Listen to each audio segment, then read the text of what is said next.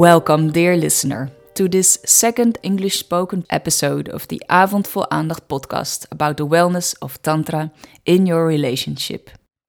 My name is Marije Oostindie, and I'm the founder of Avond Vol Aandacht, which roughly translates into Evening Full of Attention. Together with my wonderful team of very experienced Tantra guides, I teach Tantra to couples in private sessions.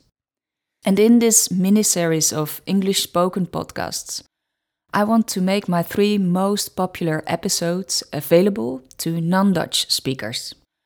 Because simply many of our clients were not born in the Netherlands or don't permanently live here. You're either an expat or tourist, and we're so grateful to receive many of you in our private Tantra workshops for couples. If this episode is helpful or inspiring to you, you could simply help us back by leaving a five star review on Spotify or Apple Podcasts. We are so happy with that, so thank you so much in advance. And since you share so many sensitive, vulnerable, open, and frank stories with me about your sexuality, I think it's only fair if I share mine with you. So, in this episode, I want to tell you all about my personal quest for fulfillment in sexuality. And I also want to tell you a little bit about the impact of sex that we see on screens. In Hollywood films and in porn in particular, the sex depicted in there is influencing our experience of sex in daily life greatly. And at the end of this podcast, I will share with you the five laws of porn that took away my pleasure. I will also give you a glimpse of how you can free yourself from this particular sexual imprint. I think just listening to this episode can help you experience more freedom in sex already. Because how you think about sex determines a lot about how you experience sex. I found it quite exciting to write something about my search for sex on my profile page on our website. But I'm still very happy that I did. Because since then, I've heard from many couples with whom I work that they recognize themselves in my, and therefore our, story. And if you're now thinking, whoa, maybe she has had very nasty experiences in sex, well, no. On the surface, I've even had relatively good experience with sexuality. And yet, every time that I've been in a long term relationship, my sexuality at some point locked down. It felt blocked. I became uninterested. And if I had sex, I wanted to be done with it as quickly as possible. A few years ago, I did a training about sexuality with a therapist who claimed that all women, and maybe all men as well, have sexual trauma, even if you haven't had the very negative experiences that we all hear about. And that's just because our society promotes a traumatic way of experiencing sexuality. And maybe I thought for a part this is true. In this episode, I talk mainly about the discoveries that I made in Tantra on my personal search for fulfilling sexuality. And if I refer to certain sources, you can always look them up in the show notes. So let's start at the beginning.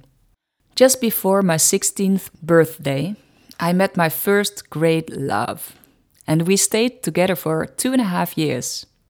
At art school, I met my second boyfriend, and that relationship lasted for five years.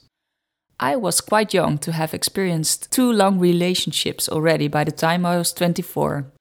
And then I met Jeroen, and that was almost 20 years ago now, and we're still together. In the beginning of every new relationship, making love felt so natural. A crackling, sizzling energy flowed between me and my new partner, and I didn't need to do anything for it.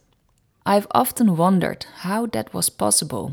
In the beginning, so much, at first glance, natural sexual flow. And then, when this new love lasted, well, I got much less interested in sex. Why did sex become so drab? Why did I sometimes not even feel like it anymore at all? Some people have already experienced this a number of times in their lives and, like me, may be inclined to conclude that it's not possible to have a long relationship and good sex in that relationship. Some couples that I work with in my sessions or trainings therefore have an open relationship. They try to find sexual fulfillment by having sex not only with their own partner, but also with other partners. And I can see this really working for some of them, that this completely fits who they are. But I also see a lot of misery and pain arising from it, especially for those who see polygamy mainly as a way out of a sexual blockage. Many people think that there's something wrong with them if they no longer feel like having sex. So let's take a look at what actually happens in such a longer relationship. In Tantra, there are some ideas about this that may help you understand more about yourself, your loved one, and your sexuality. In Tantra, we work with allowing what we call sexual energy to flow freely. And we also call this energy the Shakti. It's a beautiful Sanskrit word. But if you were to say life energy or vital life force, it's actually exactly the same. And this energy always flows based on difference, just like water does. A river always flows from high to low. You could also compare your body with a battery. And in a battery, the energy always flows from the positive to the negative electrode. Energy flows within a body, but also between bodies, especially if those bodies find each other attractive. Now, usually, what we find attractive in a new partner is a clear difference. Yes, you do have common ground, so you can understand each other and feel related to each other. But there's also a lot of difference between you. And this makes perfect sense from an evolutionary perspective. You want your offspring to be created from two sets of genes that are as different as possible. It's not helpful if you're too similar. So you experience your new lover, especially if he or she is still very new in your life, as very different from you.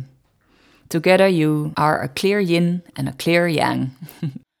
and you're naturally very curious about this other person. You want to know everything about him or her. Everything crackles and sizzles. You only have to think about the other person and you will become completely excited about him or her. But if you stay together for a longer period of time, you usually become more alike. For instance, you appear to have the same political opinions, or you adopt each other's hobby. I started doing Taekwondo, a Korean martial arts, when I was with Jeroen for a few years. He has been practicing this since he was 15. At first, I thought it was kind of stupid, not something for me. But at some point, I was on the mat with him every Tuesday and Thursday evening. It was awesome. And we also became a little bit more the same. And this process of becoming more similar to each other is accelerated when you move in together and start to share a household. Your lives are becoming more and more intertwined, and therefore more and more similar. Your groups of friends might start blending together, and if on top of all this children are being born, you will share even more roles. You'll both become a parent. Uh, you share sleepless nights together, poopy diapers, and joint questions about parenting. You might share even more roles. Jeroen and I, for example, we started teaching Tantra together and thus became colleagues next to lovers. The more roles you share, of housemates, hobby or sports friends, co parents, colleagues, the less difference you will experience between you. And if that difference between you virtually disappears, we call it symbiosis. You become merged with each other, and then you lose your own distinct identity. And don't worry, every good relationship has symbiotic traits, and there's nothing wrong with that. But if you become too merged with your partner, the sexual energy between you can easily become stagnant. A well known example of an overly symbiotic relationship in which both partners have completely lost their individuality is the couple that goes out in the same tracksuit. Both on the same brand and the same color of bicycle. She has the women's model, he the men's model. And this example may seem far away to you, But it happens very easily in relationships, also in ours. It happens, for example, when you start speaking in plural, when you talk more about we than about I. And then all of a sudden you say things like, We think that. I sometimes also receive emails from couples who have a joint email address. For example, John and Hattie at gmail.com. That may be useful, but it also takes away all of the surprise. And the difference between you disappears, and that often includes sex.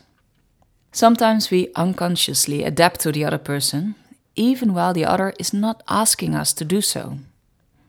An example Before you start looking for a new home together, what requirements should a new place to live meet for you?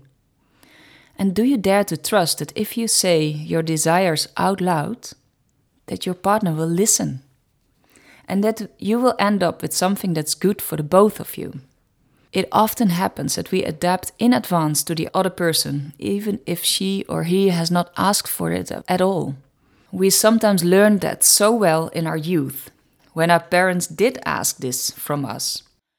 But the bad thing about this is, this adapting to the other, it stops your free flow. By neglecting your own desires, you must control your energy and, for example, try to like something because the other person likes it. Sometimes, in a longer relationship, it becomes totally unclear what you like, what you desire. Now, we adapt to protect ourselves from pain. It's a coping mechanism. You want the other person to stay with you, to love you. And that is why you are willing to put a part of yourself aside. We often do this very swiftly and completely unconsciously. And that means that it can be quite difficult to find the cause if you experience very little energy in your relationship. Then you might ask yourself, what desires do I have that I think have no place in our relationship? What part of myself am I not showing in our relationship? And if I would allow myself to fantasize, what would my life look like? I personally think it's very important to live your own life, even if you love to be with your loved one all the time, like me, for example. I love adventure, but I also love to be at home and sit on the couch with my husband. I find it quite an art to regularly meet up with friends, and yet I notice that it does me good when I do. I then feel more vitality, more liveliness, more inspiration, and this I take back into my relationship. It's one way to nourish it. So, the more roles that you share, that of housemates, fellow hobbyists, colleagues, friends, parents, the easier it is for the role of lover or mistress to fade into the background. Esther Perel, world's most famous relationship therapist, says that eros, our sex or our sexual relationship, needs a certain distance. According to her, Eros thrives on the fact that we don't know everything about each other.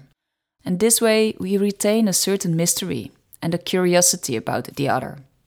And this sense of mystery evaporates quickly indeed huh, when changing poopy diapers together. But I personally don't think that distance is really necessary. You could also do some research on the images you have about your partner. Especially if you've been together for a few years, you can easily think that you know your partner completely. But in reality, that is of course never completely possible. It's impossible to fully get to know the other person. What we do get to know very well are our images of the other. These images are usually quite static. They sometimes hardly change over time, while a partner experiences many events in life and therefore grows and matures. But our images of our partner sometimes lag considerably behind reality.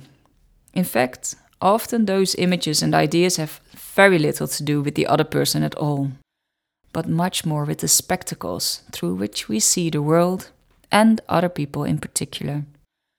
You want an example of how that works in my relationship with Jeroen? Well, I grew up with a mother that told me constantly how she wanted things done in the house.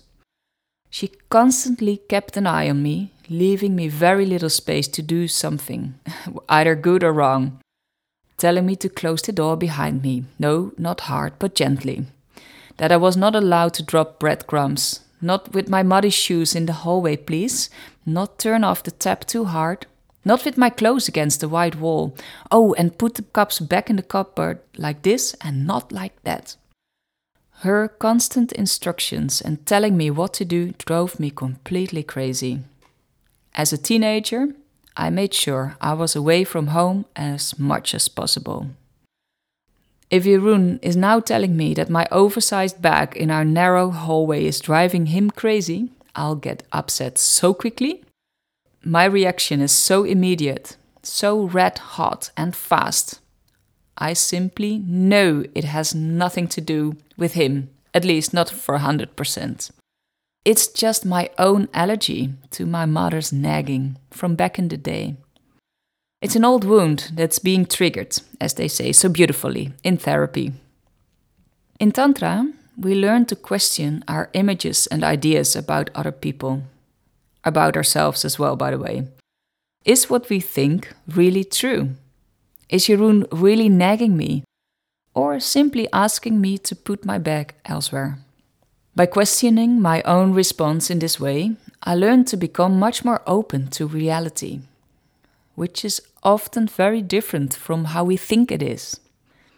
When I take off my colored glasses and see what's really going on, it's actually only on Saturday mornings when we are doing chores together in the house uh, sometimes then, indeed, Jeroen says something about how he likes things there. And still, if I feel everything in me getting angry or shutting down, I could simply ask him, Hey, I get this tight sense of being controlled when you ask me this. Is that what you're trying to do with me? and then he can honestly answer me. And usually the answer is, No, I just need some space. I'm too big for our house already, and I really can feel I can't move and the hallway is cluttered like that. He is not, as I used to experience with my mother, busy directing and controlling me all day long. And yet I can't help but be triggered every now and then in that old pain. You really can't do anything about that. How enlightened you may be, this will happen in your relationship. But what then really works very well is to recognize that the pain is old, not caused in this relationship, but much earlier, and to inform your partner about this. To me, it's often a great relief to hear when Jeroen is really taking responsibility for such an old wound. And then he usually also stops acting out on me or blaming me. Of course, even he is not perfect, and occasionally will get upset shit just happens.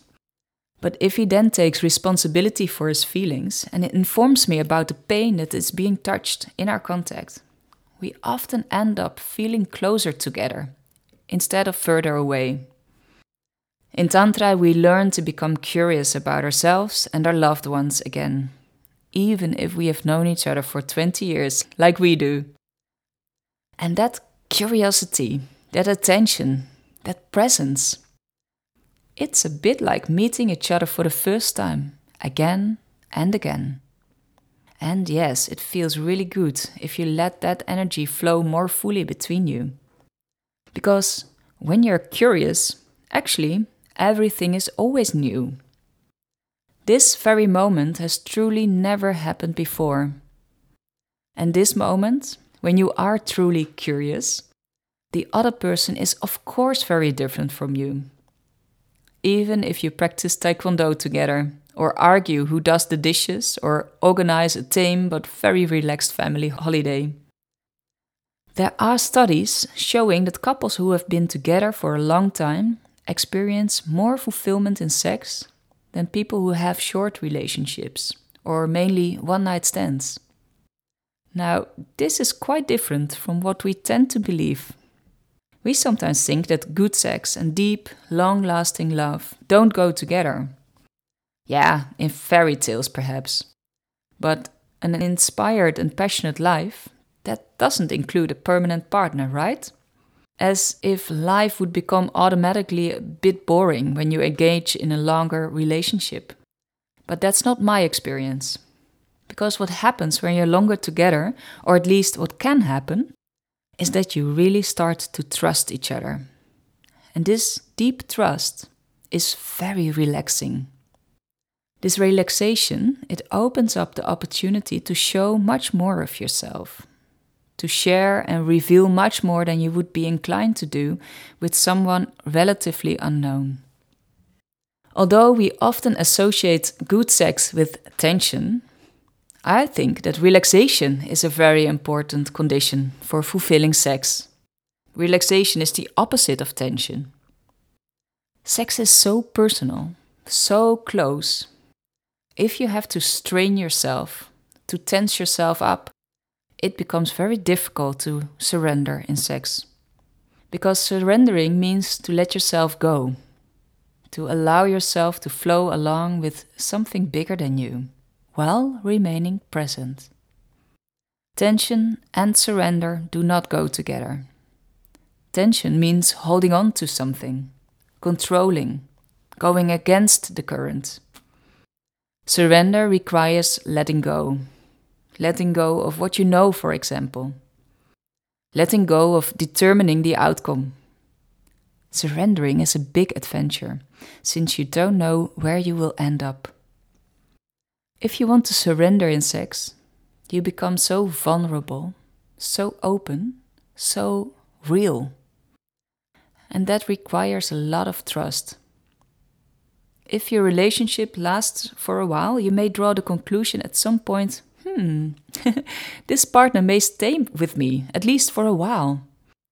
But unfortunately, this conclusion is not relaxing for everyone. For some of us, this idea of a lasting relationship causes some sort of anxiety. With every month that this beloved stays longer, he or she becomes more important to you. Your lives are becoming increasingly intertwined. You become more and more dependent on each other. This in a society in which we find it so important to be independent. We live in a world where independence is seen as a great asset. This is often how we raise our children. You have to be able to do it yourself. But in a relationship, you become very dependent on each other. This whole idea of independency is a fake. You are not a loose individual. You are so dependent on this network of people around you, of which your partner is the center and that requires you to surrender.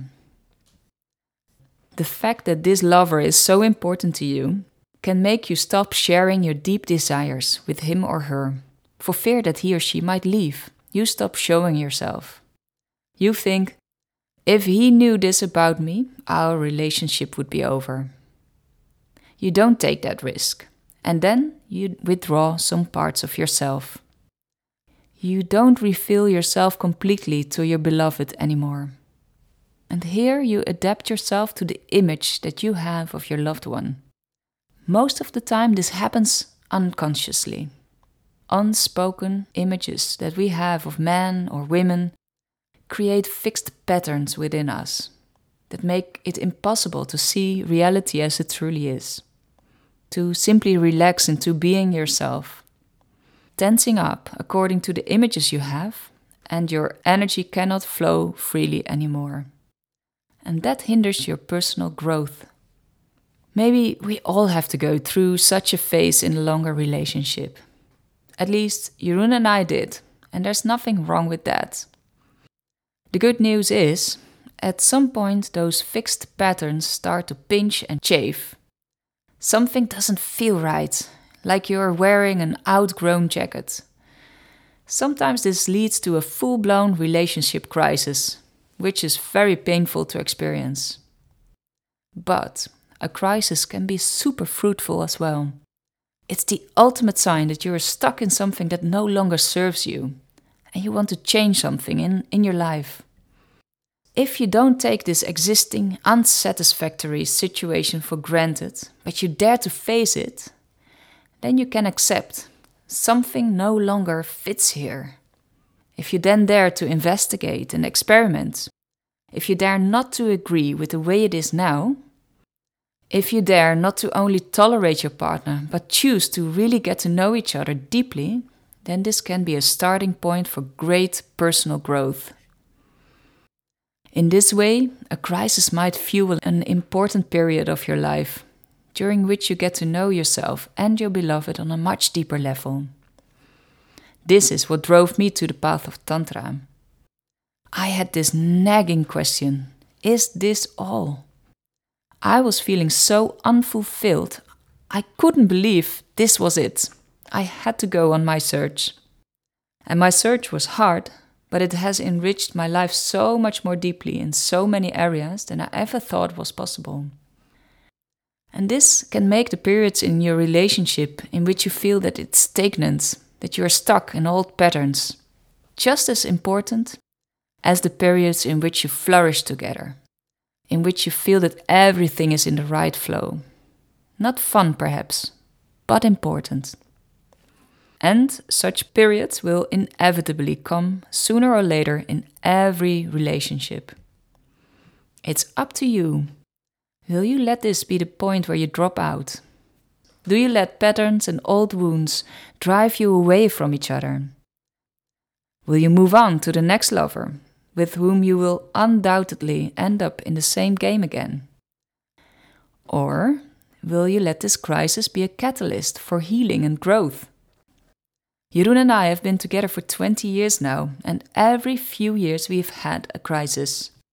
We sometimes jokingly say to each other that we have had many relationships with each other. You're my fifth husband, baby. There's nothing wrong when it scrapes and grates between you it can really make your relationship shine, which is the reward of all the hard work you do by looking inside instead of outside and change our partners. We have reinvented ourselves and our relationship many times. Now, I think it's not only important to look at how the energy flows between you and your loved one, but also within you. Your Shakti is your life energy. It is that energy with which you were conceived, with which you were born, and with which you will live your whole life. With this energy, you do everything in life, from taking your children to school, to having a big fight, to peeling the potatoes, or doing the dishes, to making love. The more Shakti that flows through you, the more you can feel alive. More energy makes everything more intense and interesting. More energy makes life richer, fuller, and deeper. Now, for all kinds of reasons, we tend to control and suppress our sexual energy. That is a whole subject in itself, but we've all learned to do that in our early childhood. And it's because our society is not so fond of free flow at all. We don't like children who make too much sound, who move too much, who cry or laugh.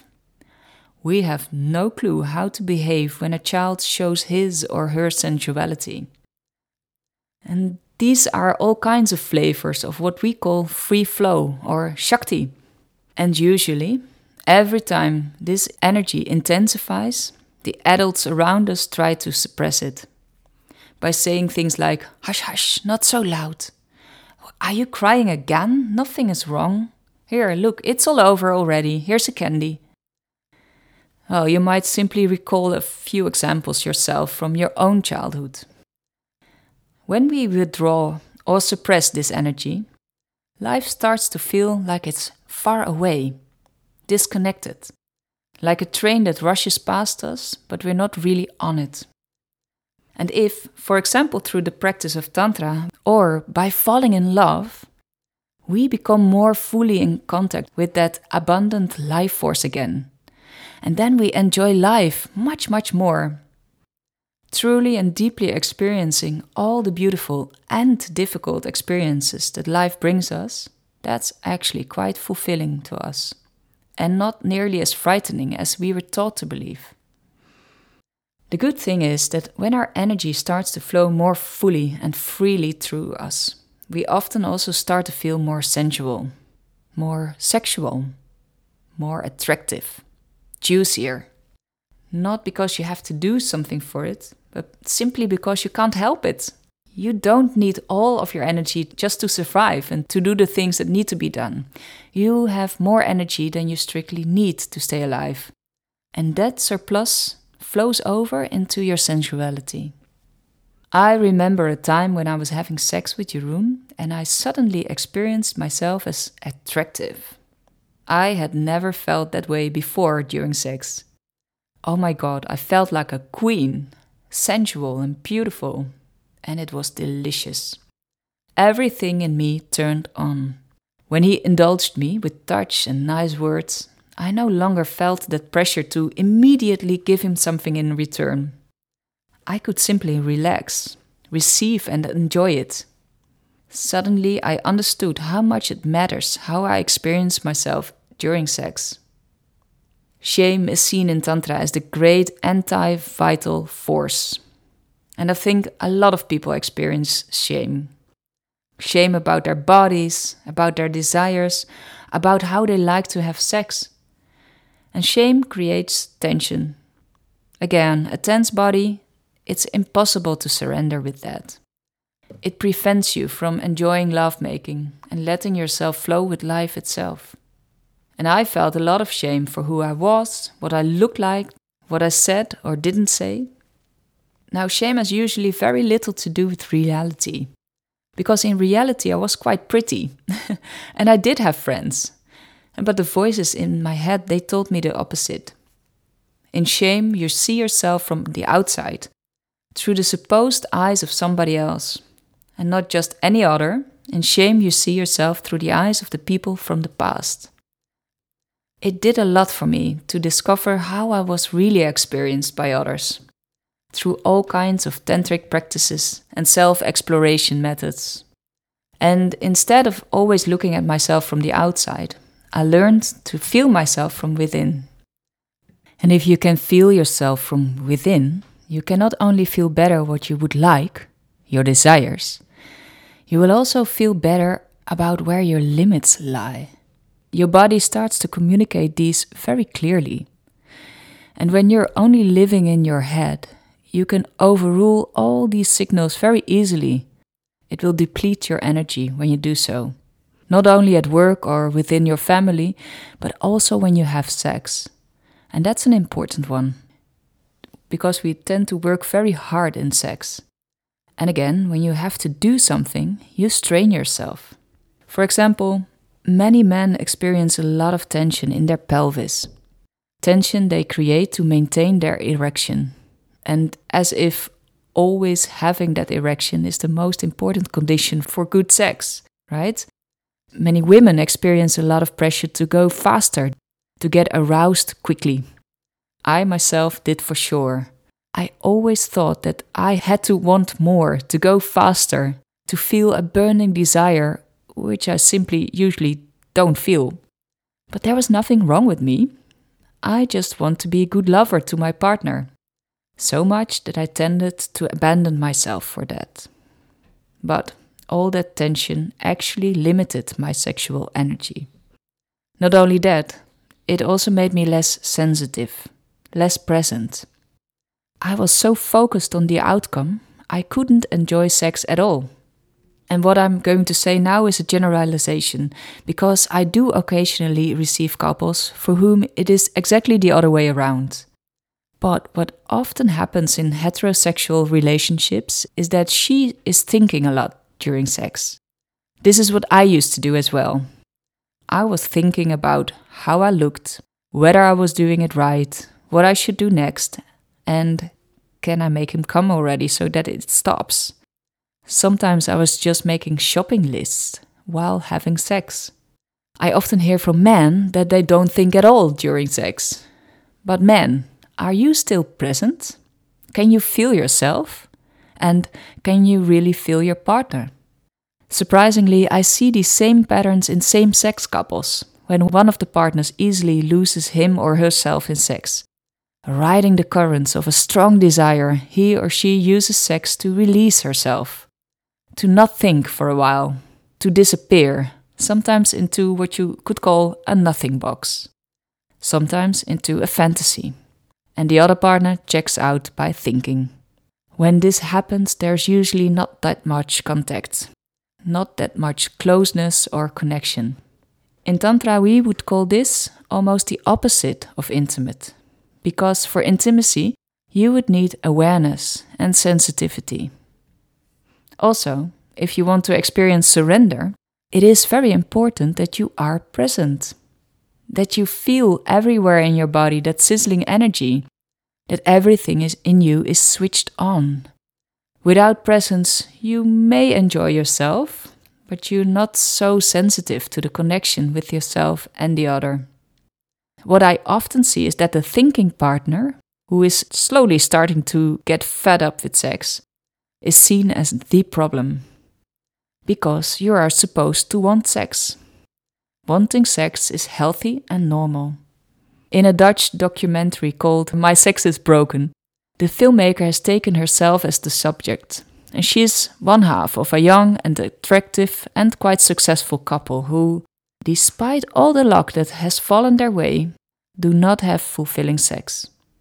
Or actually, they don't have any sex at all. And everybody thinks the problem is with her, because he wants to. He has no trouble with having sex. But she, she never feels like it. And in this documentary, you can see that there's not a really good answer from regular medical care to these everyday forms of blockages in sex. The sexologist, where she goes to, does all kinds of tests on the filmmaker. But there appears nothing wrong with her vagina or with her body. Nothing wrong with her. I suppose the sexologist has many clients like her. I don't think there's anything wrong with her either. But there is something wrong with how we think about sex in our entire society. Our collective images of sex are very strict and defining. They leave very little space for our personal color and for relaxation. I think we are so interested in sexuality because it can open us up to something very mysterious, to that which you might call the divine. Sex gives us the opportunity to experience ecstasy, an experience in which we are taken by something that seems bigger than us, an experience that touches our entire being and makes life sweeter, sparkling, and rich. And having this experience from time to time, it increases your connection with yourself and your loved one, and with the goodness of life itself. Now, when I say this, you might think, yeah, hey, if sex could give me that, I would want sex every day. So, why don't we often experience sex this way? That's because we learn by modeling, by imitating others but we rarely see anybody having sex, not our parents, not our friends. And within our society, we feel that that's very inappropriate. The only place where we do see other people having sex is on a screen. And I think you will be surprised how much the images about sex from the film and porn industry determine our tired attitude towards sex. I've collected five of them for you. And porn law number one is in porn, everyone is always ready immediately. This is so far from reality, at least in my world it is. I am rarely spontaneously aroused, and many women I speak to do not experience arousal easily either. For me, arousal needs time and attention, lots of it. Penetration is only really pleasant for a woman if her vagina, or yoni as it is often called in Tantra, has sufficient blood flow and moisture. The average time a yoni needs for that is no less than 45 minutes. And that is many times longer than foreplay usually takes. In porn, a penis, and in Tantra we call this a vajra, is always erect while in real everyday sex, there is a good chance that an erection will come and go. And for an intimate and sensual connection, it is not necessary to have an erection all the time. Penetration, even, is also possible without erection. Now, pay attention, dear men. Many women actually like it when he is not always so hard and tense. Besides, why is all that wonderful stuff that could happen before penetration actually called foreplay? isn't it just a full fledged part of lovemaking? Porn law number two sex is always fast and hot. Oh, yes, it's super fun, a quickie on the kitchen table. Nothing wrong with that. But this is just one of the many forms and colors of sex. Where is the sex with jokes in between? Or the sensitive sex, in which a tear of emotion may roll down your cheek? There's also slow sex, attentive sex, friendly sex, longing sex. Sex in which you show yourself completely with all your edgy parts and weirdness. What would lovemaking be like for you if it was allowed to take its own unique form every time? Porn law number three. In sex, everybody always comes. The ultimate goal in porn sex is to come, and we work hard for that. This sex is full of friction. People are really working hard to attain this goal. If sex always has to have this outcome, doesn't that make you, well, rather unfree in bed? Is it bad sex if I or my partner don't orgasm? When we practice sexuality in Tantra, we practice being more present in the moment, experiencing the now even more fully. When better than in sex? Porn law number four. In sex, you play a game. Porn actors are, well, they're actors. and usually they play a variety on the game I'm a tough man and I will teach you, horny slut, a lesson. Or I'm playing hard to get, but actually I really want to. To my experience, such sex is often used to release tension. In the sense of, I actually feel bored or miserable or superficial or inferior, and now I'm using your body to make myself feel better. Ah, uh, well, thanks, but no thanks. What would it be like if you left the actor behind and started making love as yourself? Your openness, your sensitivity and vulnerability, your presence, it's the greatest gift you can give as a lover. And then the last, porn law number five. Sex with a young and tight body is better. A six pack, a smooth skin without pits and bumps, firm, round buttocks, full breasts. Unfortunately, in real life, our body only takes on this specific shape for a very short period of time, if it ever lived up to this ideal at all. Now, as I told before, shame is the great anti sexual force in our lives. If you are ashamed of how you look or what you like, it becomes very difficult to be in touch with your sexual flow let alone to follow it freely. Yet, your ability to enjoy sex has nothing to do with external beauty. It really is possible to have sex with all the uniqueness of who you are, and to experience sex from the inside instead of from the outside. And that experience is independent of your age or the shape of your body. Well, these are the five laws of porn that took away my lust for sex.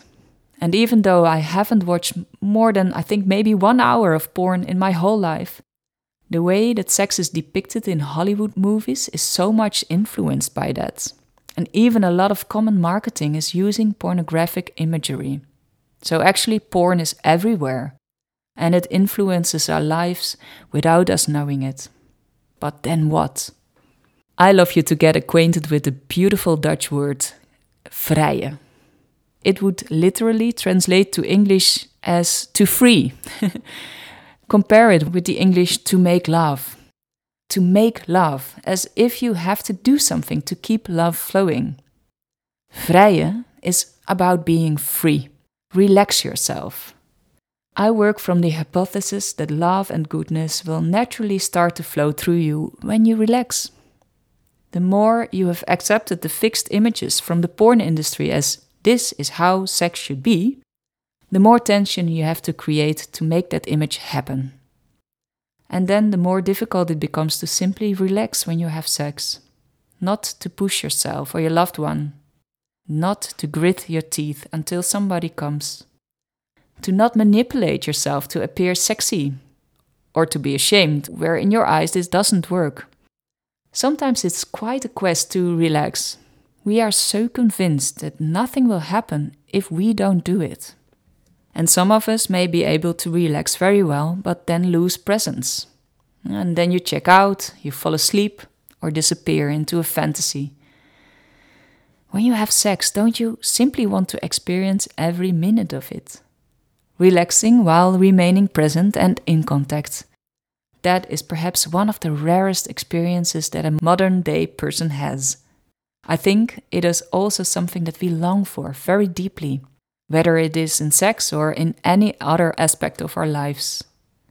But how to experience this exceptional state of being? Well, I have tried quite a few methods, but I have experienced no other spiritual or personal growth path that brings me faster to this beautiful place than Tantra. Tantra offers a whole range of experiences in which you can experiment with exactly this to simply relax and stay awake, here, present, aware. To stop tinkering with yourself and be true to who you really are and where you really are.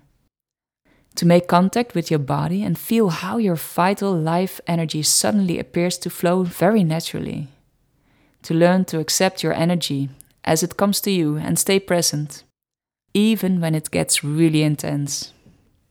In our private Tantra sessions for couples, we will introduce you and your beloved to this state. And we will give you very practical ideas and tools how to experience this at home as well. Please note, I don't say practices and experimenting for nothing, because our tendency to want to control and manipulate ourselves and our sexual energy is so strong and all pervasive, it doesn't happen overnight to let go of this. You may need quite some time and many new experiences to learn to trust that something else will take place. And what is this something else? A whole new possibility the possibility to experience ecstasy. Not those few seconds of calm after hard work, but real ecstasy. Ecstasy is a state in which you are completely present and completely relaxed, while a large amount of energy flows through your body. That is what we mean by ecstasy in Tantra.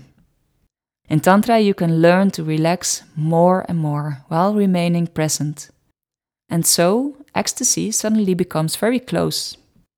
By the way, many tantric practices that teach you this don't look as sexual as you might expect. And that's actually quite fitting. Because let's be honest, is it just the sex in which you cannot relax? Or perhaps you have that in more areas of your life.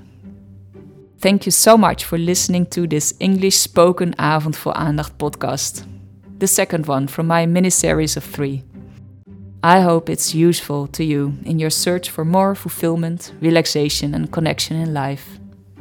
If you know any non Dutch speakers who might benefit from it, please notify them about this episode. And you would help us greatly by leaving a five star review on Apple Podcasts or Spotify. Thanks so much for that.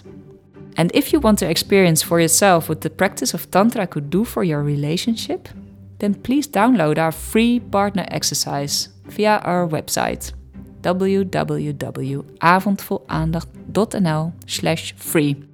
You'll also see it highlighted in our main menu as well. And of course, you'll find this link in the show notes below. Because yes, our Dutch company name is terrible to pronounce, I agree, we know. And I hope you'll forgive me my Dutch accent as well. But if you do this practice, you and your partner will go on an intimate adventure together for half an hour. And that could easily mark the start of an unexpectedly connected evening together. I hope you enjoy it. Well, thanks so much for listening. Bye bye!